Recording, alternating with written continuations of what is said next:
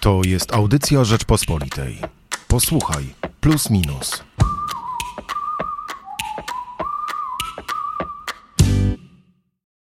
W tym tygodniu przyjrzeliśmy się wyzwaniom technologicznym, no i sztucznej inteligencji. Porozmawiamy o tym w redaktorskim duecie. Michał Płociński i Hubert Salik. Sztuczna inteligencja ostatnio trochę zawładnęła naszymi umysłami w momencie, kiedy pojawiła się możliwość rozmowy z tak zwanym czatem GPT, czyli GPT. Nie pomyliłem literek, bo słuchałem już mnóstwo audycji w radiu, gdzie te literki były przestawiane każdy możliwy sposób, ale powinny zapaść nam w pamięć. Choć na razie nie, nie możemy e, porozmawiać z tym czatem, został on zablokowany, tylko przez określony czas został udostępniony publicznie, to chyba nie mamy, Hubert, wątpliwości, że takie rzeczy wrócą. I to wrócą w jeszcze doskonalszej wersji. Nawet więcej, nie mamy wątpliwości w redakcyjnym gronie i w gronie autorskim, bo zachęcamy Państwa do przeczytania plusa minusa, w którym bardzo szeroko na ten temat piszemy że jest to wydarzenie rewolucyjne. Ja sobie wejdę w tej chwili na ten czat, e, żeby opowiedzieć Państwu, jak e, on w tej chwili fantastycznie o swoim e, statusie opowiada. Pojawia się strona, gdzie ktoś zadaje pytanie, w sensie to jest zautomatyzowane, to jest tylko taki filmik. Opisz status czatu GPT w poemacie. I czat GPT zaczyna odpowiadać na to zadanemu pytanie, że niestety jest nieczynne. Bawiłeś się? Nie, ale chyba obecnie jest to dosyć trudne, gdyż e, jest ta strona absolutnie przeładowana. Tak, ja się bawiłem, e, kiedy ona się pojawiła i kiedy nie było niej jeszcze tak głośno i kiedy wiedziałem, że można na przykład sprawdzić, jakie są jej e, możliwości, możliwości tej, tej sztucznej inteligencji, tego czatu, mm, jeśli chodzi o pomoc dziennikarzom. Czy on jest w stanie na przykład sam napisać artykuł dziennikarski, jeżeli dobrze mu się zada e, pytanie? I byłem pod olbrzymim wrażeniem. Na początku może wydawało mi się, że to jest takie dziennikarstwo trochę e, no, tradycyjne, sprzed ery internetu, gdzie wszystko jest zdradzone na początku w tekście, prawda? Oczywiście poprosiłem go po pierwsze o napisanie, czy najbliższa niedziela będzie niedzielą handlową. To są artykuły, które niesamowicie się w internecie na różnych portalach klikają, bo ludzie po prostu wpisu, wpisują to w różne wyszukiwarki, chcą się dowiedzieć, czy będą mogli w najbliższą niedzielę zrobić zakupy. Te artykuły są strasznie długie zazwyczaj i trzeba naprawdę przewinąć mnóstwo treści, żeby się w nich dowiedzieć, czy będę mógł zrobić zakupy. Chat GPT na tak zadane pytanie, e, mimo że wiedział, że ma napisać artykuł e, na 2000 znaków, wszystko mu to powiedziałem, żeby opowiedzieć, kiedy były niedziele handlowe wcześniejsze, kiedy będą późniejsze i czy najbliższa będzie handlowa skonstruował odpowiedź, która zaczynała się od zdania: Najbliższa niedziela będzie handlowa, będziesz mógł zrobić zakupy. I wtedy pomyślałem, że jeszcze mamy nad nim trochę przewagi, ale jak mu się trochę lepiej sformułowało to pytanie, żeby jednak był pewien suspens, żeby dopiero na końcu zdradził, to on nie miał żadnego problemu, żeby skonstruować całą opowieść o niedzielach handlowych i dopiero na samym końcu, pod koniec e, dwóch tysięcy znaków e, zdradzić a w najbliższą niedzielę niestety nie będzie można zrobić zakupów. Czyli tak naprawdę zrobiłeś takie Ask Siri. No, chciałem zobaczyć, no, czy to nas e, zastąpi już w tym roku, czy dopiero w przyszłych. E, no, na szczęście, nasze jeszcze, co od naszą, e, naszą przyszłość, czyli jeszcze przez chwilę jasną. Nie piszemy tekstów o niedzielach handlowych, pisze to ktoś inny.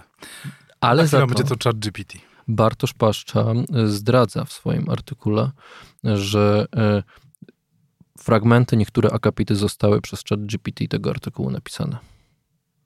To jest, e, powiem ci, jak się czyta artykuł o tym i dowiadujesz się, że to, co czytasz, właśnie przez to zostało napisane, no robi to wrażenie. A propos tego Ask Siri, tego, o co poprosiłeś czatu GPT, tak to może anegdotycznie opowiem o tym, że jedną z najczęściej wyszukiwanych fraz a wydaje mi się, że nawet najczęściej wyszukiwaną frazę w brytyjskim e, Google e, było hasło, e, gdzie jest pochowana Kleopatra. Było na pierwszym miejscu zestawienia całorocznego. Wiesz dlaczego? Nie mam pojęcia. Dlatego, że e, firma Google, robiąc, firma Alphabet w zasadzie teraz, robiąc e, Androida i robiąc e, program do obsługi głosowej wśród w poradniku wprowadzającym, jak obsługiwać ten program, wśród przykładowych pytań zadała pytanie, mm, zaproponowała sugestię, że można zapytać na przykład, gdzie została pochowana Kleopatra. I ludzie pytali. Pierwsze miejsce wyszukiwań e, e, Google'a w jednym z dużych państw. Można powiedzieć, że użytkownicy zostali zmanipulowani. Nie, nie, to nie użytkownicy zostali zmanipulowani. To Google sam się zmanipulował. Właśnie dlatego to jest ciekawe w kontekście naszej rozmowy. Tutaj może nie jeszcze sztuczna inteligencja, ale algorytm zabawił się z algorytmem. Można tak powiedzieć, a ja ci zadam w ogóle pytanie. Myślę, że po pięciu minutach rozmowy warto wreszcie zadać e, ważne, istotne pytanie. Pytanie, które zresztą Michał Szułdrzyński e, zadaje profesorowi Andrzejowi Zybertowiczowi w no, znakomitym wywiadzie pod tytułem Rozgośćmy się w Dolinie Niesamowitości. Czy to co właśnie się, czego byliśmy świadkiem, czyli pojawienie się kolejnego i to już no, naprawdę niesamowitego czatu opartego na sztucznej inteligencji. Jest zmianą małą, dużą czy ogromną? Moim zdaniem jest zmianą ogromną, e, ale mm, to jest sprawa wieloskładnikowa, bo teraz w przestrzeni publicznej są jak gdyby dwie narracje. Jedna, często spotykana o tym, że że tak naprawdę to nic takiego, bo jak wrzuciłem do tego mm, takie zapytanie, to wrzuciło mi stek bzdur. Mam znajomego, który ostatnio wrzucił na jedno z mediów społecznościowych zestaw plakatów filmowych, które poprosił o e, stworzenie, e, poprosił chat GPT o stworzenie tych plakatów. Albo jeden z programów e, opartych na GPT-3, bo tak się nazywa ta technologia, efektem były naprawdę absurdalne plakaty, gdzie Mad Max to był jakiś nauczyciel wyrywający sobie głosy, włosy z głowy, obok biegające dzieci. Szalony Max. Możliwe, że, e, że taki był, mm, że możliwe, że ktoś też chciał trochę się tym pobawić, do, dopisując jakiś wyraz, który sugerował temu e, rozwiązaniu, temu algorytmowi mm, jakieś rozwiązania. Ale tak, z jednej strony jest coś, co nazwalibyśmy beką, a z drugiej jest takie poważne spojrzenie na sprawę, że hej, to skok nagły, jaki dokonaliśmy i my to widzimy na tym czacie GPT, jest zastanawiający, e, jest duży, ale najciekawsze jest to, czego jeszcze nie wiemy, bo jeśli nagle firma, która istnieje od 7 lat i w zasadzie niczego spektakularnego nie pokazała i przez te 7 lat, jak widać, pracowała nad czymś tak dobrym i pokazała to, co zobaczyliśmy, no to co jeszcze, jakie są jeszcze możliwości, jeśli da się w tak krótkim czasie uzyskać takie efekty, że profesor e, Andrzej Zbartowicz w wywiadzie mówi nawet, że to stawia pod znakiem zapytania cały system edukacyjny, bo e, niektóre z prac, które, a sam to testował, które jest w stanie napisać chat GPT na zadany temat, są nawet lepsze niż prace, którą dostaje od e, części swoich studentów i w ten sposób bardzo trudno mu będzie mm, rozróżnić, co jest twórczością mniej utalentowanego studenta. A przecież chodzi o zaliczenie, nie wszyscy muszą mieć piątki, a co jest, co jest dziełem sztucznej inteligencji. No, Największe wrażenie na mnie w rozmowie Michała Szudrzyńskiego z profesorem Zebertowiczem mm, zrobiło jego tłumaczenie, że tak naprawdę to nie jest istotne e, to, nad czym my głównie dyskutujemy, prawda, jak pojawia się kolejna sztuczna inteligencja, dziennikarze się zastanawiają, e, filozofowie, prawda, socjolodzy, politolodzy, no tak, ale to nie ma świadomości. To, ta świadomość jest dla nas kluczowa. A profesor Zybertowicz mówi, jeżeli chodzi o przyszłość cywilizacji, ludzkości, jeżeli chodzi o, nie wiem, rynek pracy i tak dalej, to nie ma żadnego znaczenia. Ta świadomość oczywiście to jest bardzo ważna z punktu widzenia filozofii, ale jeśli chodzi o zmiany, które e, mogą e, przyjść, w ogóle nad tym nie powinniśmy się skupiać. To nie tu jest problem e, tak po, po, poważna analiza, tak dogłębna analiza e, e, danych jaka w tej chwili jest robiona przez te algorytmy, e, jest w stanie zastąpić najbardziej kreatywne zawody nie, i nie ma żadnego znaczenia, że e, algorytm, e, sztuczna inteligencja nie wie, co czyni, prawda? No bo to, że nam daje odpowiedzi, które są super sensowne po przeanalizowaniu olbrzymiej ilości danych, nie znaczy, że sztuczna inteligencja wie, co pisze, prawda? Bo ona nie rozumie w ogóle odpowiedzi, którą podaje tylko to niczego nie zmienia, bo wciąż te najbardziej kreatywne za zawody mogą e, pójść jako pierwsze w odstawkę. Profesor Zybertowicz mówi, że przez lata wierzyliśmy, że roboty zastąpią mm, najprostsze e, zastąpią człowieka w najprostszych pracach. A dzisiaj dochodzimy do wniosku, że te właśnie najprostsze prace, czyli na przykład e, budowlaniec, to oni nie są jakoś bardzo zagrożeni, a zagrożeni są na przykład prawnicy, jak widzimy, malarze czy graficy są bardzo zagrożeni, dziennikarze, no ale nie tylko, no bo cały tutaj marketing, można powiedzieć, w tej chwili staje pod znakiem zapytania, po co tam człowiek. W ogóle celem naszej rozmowy w tym podcaście, który Państwo słuchają, jest poruszenie ciekawego tematu. Tym ciekawym tematem, naszym zdaniem, jest ChatGPT, dlatego i sztuczna inteligencja. Dlatego zrobiliśmy ten numer mm, na ten temat. Natomiast tak naprawdę, szczerze mówiąc, odkładając marketing na bok zupełnie, moim zdaniem wywiad z Andrzejem Zybortowiczem jest najlepszym wywiadem, najciekawszym wywiadem technologicznym, jaki przeczytałem w ciągu spokojnie ostatniego roku. Bo nie jest on o technologii. On jest o technologii, jest o zagrożeniach związanych z technologią, bo technologia nie, nie niesie tylko zagrożeń e, co też jest banalne. Rozmawiamy o mediach społecznościowych przez pryzmat zmian społecznych, e, a w tle jest ukryta e, jakaś algorytmizacja naszych zachowań. A tutaj rozmawiamy o sztucznej inteligencji też w kontekście zmian społecznych. To jest socjolog, który y, naprawdę ma dużo ciekawego do powiedzenia i e, odrzucając na bok ten marketing, chciałbym naprawdę podkreślić, że naprawdę warto. Jest to wieloaspektowa analiza no, najwyższej intelektualnej próby. Natomiast jeśli chodzi o, o to, o czym wspomniałeś, y, właśnie mm, bardzo ciekawym przykładem, który nie pada u Andrzeja Zbertrowicza, ale to nic nie znaczy, bo porusza ten temat na, na dosyć zaawansowanym poziomie, e, są na przykład mm, już istniejące rozwiązania. Na przykład jeśli chodzi o prawo.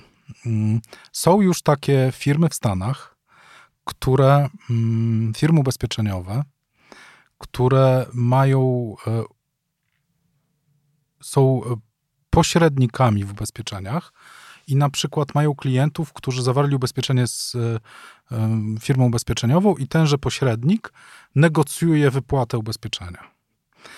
Bo zwykle jest tak, jak niektórzy twierdzą, że firmy ubezpieczeniowe zarabiają na tym, żeby nie wypłacać ubezpieczeń, tak już cynicznie mówiąc, ale faktycznie starają się e, tak precyzować umowy, żeby wykluczyć z nich pewne zdarzenia.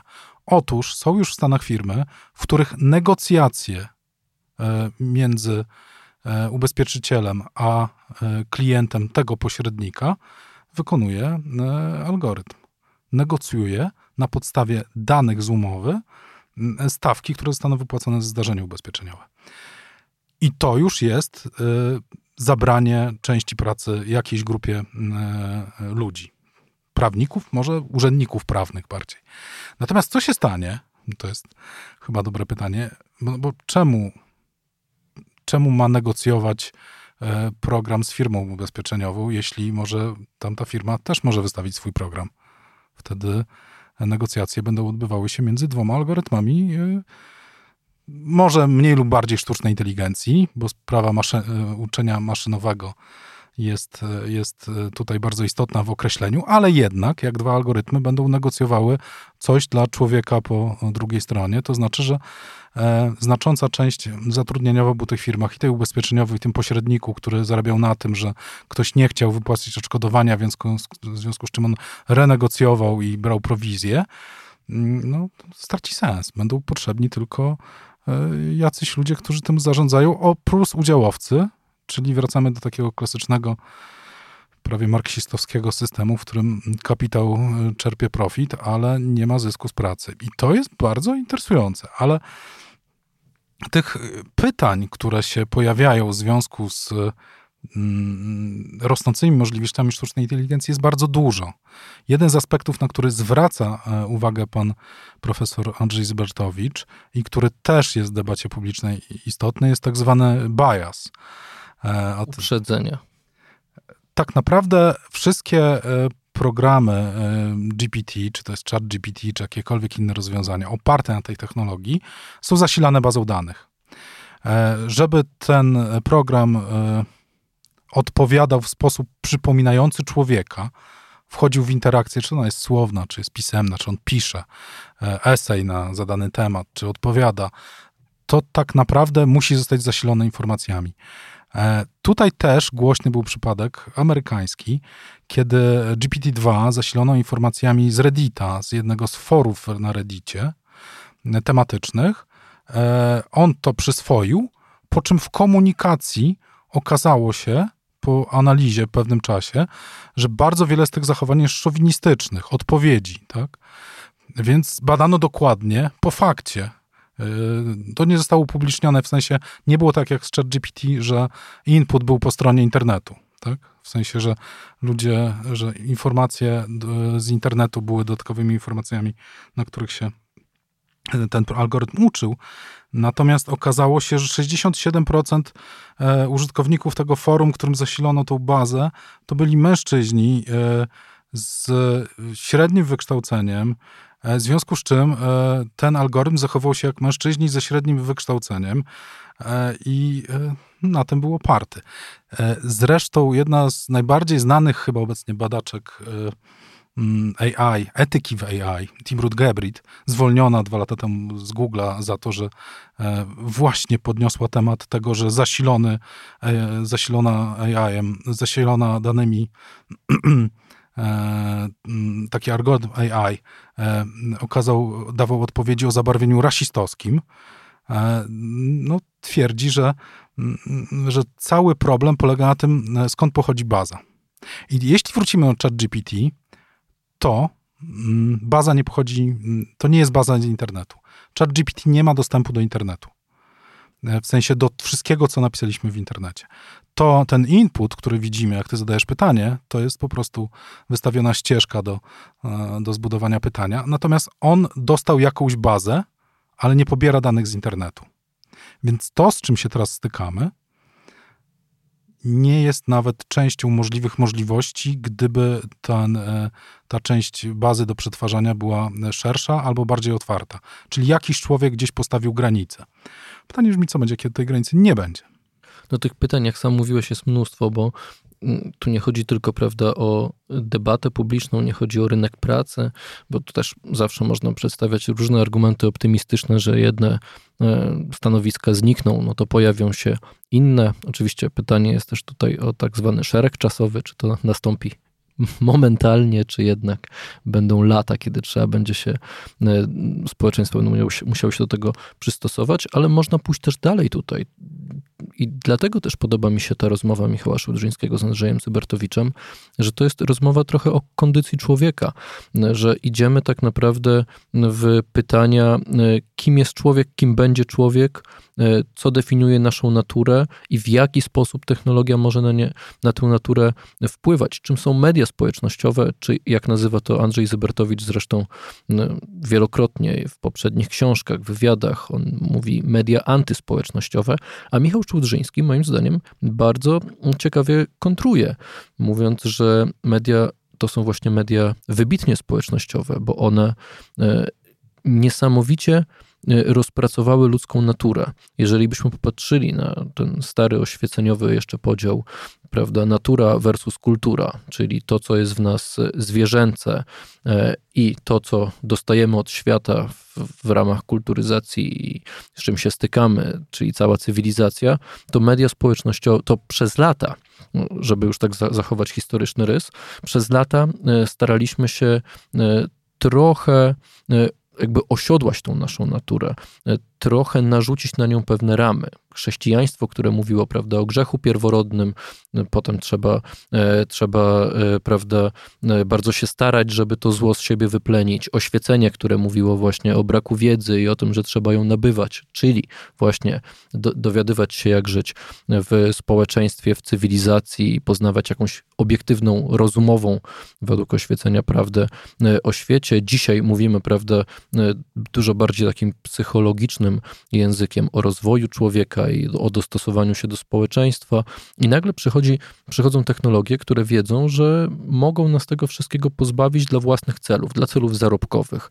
Nacisnąć odpowiednie guziki w naszym mózgu, żeby, żeby te najgorsze cechy w nas, te, które chcieliśmy jakoś osiodłać właśnie poprzez cywilizację i kulturę, żeby one przejęły nad nami, e, nad, nad nami e, władzę, bo wtedy te emocje, które w nas zostaną rozbudzone, będą e, kierowały nami, a nie rozum, a dużo łatwiej, prawda, na nas zarabiać w momencie, kiedy, kiedy zamiast pomyśleć, że nie wiem, rano muszę wstać do pracy albo do szkoły, to po prostu ja muszę odpowiedzieć w mediach społecznościowych, ja muszę wrzucić kolejne zdjęcie, prawda?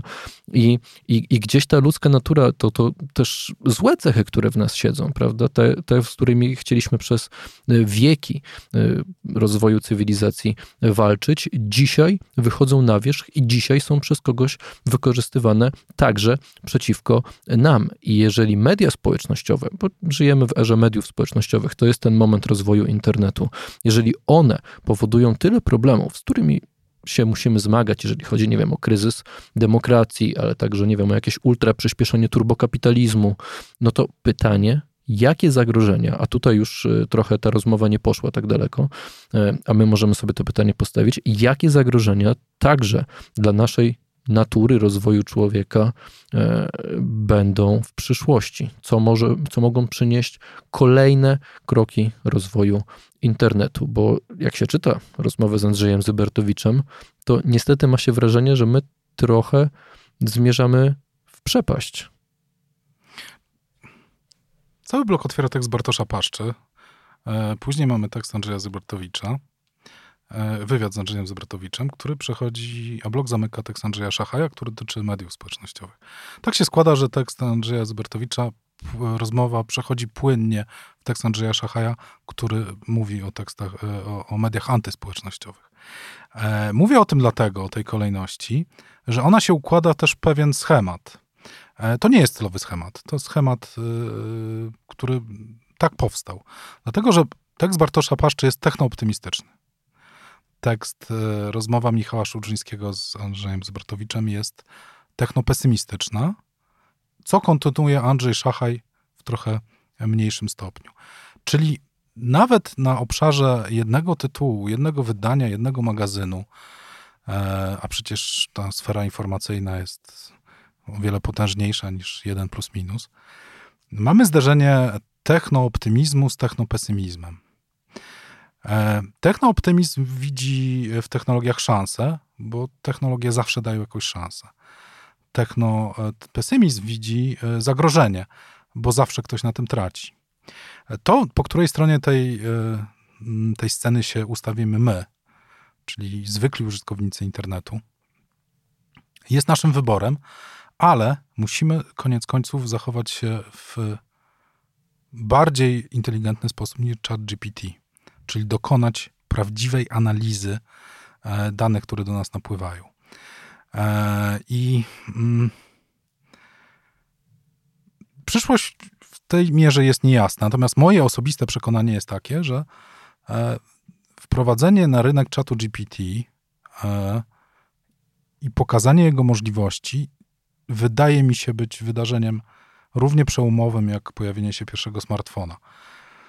A może nawet bardziej. E, może pojawienie się urządzenia wtedy nie wydawało się wielkim, wielkim zdarzeniem od kolejny telefon, który trochę więcej umie, ale tak naprawdę zmieniło korzystanie przez nas zupełnie, całkowicie z informacji zupełnie inaczej korzystamy z informacji przez to, że mamy telefony, mamy inny dostęp do wiedzy, mamy e, masę możliwości, których wcześniej nie mieliśmy.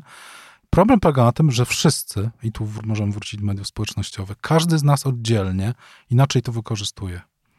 Inni wykorzystują to na poziomie instynktów, czyli chcą to, chcą szybko po przebudzeniu odpowiedzieć na coś. Zapotrzebowanie odbywa się na poziomie impulsów w korze czołowej, tak? E, czyli takiego stricte biologicznego instrumentarium, tak? Ale mm, są też tacy, którzy e, jak gdyby głęboko analizują, co to niesie, jakie konsekwencje dla ich życia, a może dalej dla życia społecznego. E, niewątpliwie przy tak dużej zmianie technologicznej to ci drudzy będą mieli przewagę. Myślałem, że trochę lepszą puentę znajdziemy, ale myślę, że ona bardzo dobrze zachęci do sięgnięcia e, do najnowszego wydania magazynu Plus Minus, chociaż w ogóle po tej całej rozmowie mam nadzieję, że Państwa nie trzeba zachęcać do sięgnięcia po wywiad z Andrzejem Zybertowiczem. W końcu pytanie, które sobie stawiamy teraz tutaj, to pytanie, czy chcemy być przedmiotem, czy podmiotem. E, bo ChatGPT moim zdaniem w długim terminie robi z nas tak samo jak media społecznościowe przedmiot media społecznościowego nas komercjalizują. Robot i jego robotnice. Michał Płociński i Hubert Celik. Zapraszamy Państwa do kiosków i oczywiście na stronę www.rp.pl oraz tam, gdzie można kupić wydanie, e-wydanie Rzeczpospolitej i plusa minusa. Słuchaj więcej na stronie podcasty.rp.pl. Szukaj Rzeczpospolita Audycje w serwisach streamingowych. Poznaj mocne strony Rzeczpospolitej. Wejdź na prenumerata rp.pl. Polecam. Bogusław Rabota, redaktor naczelny.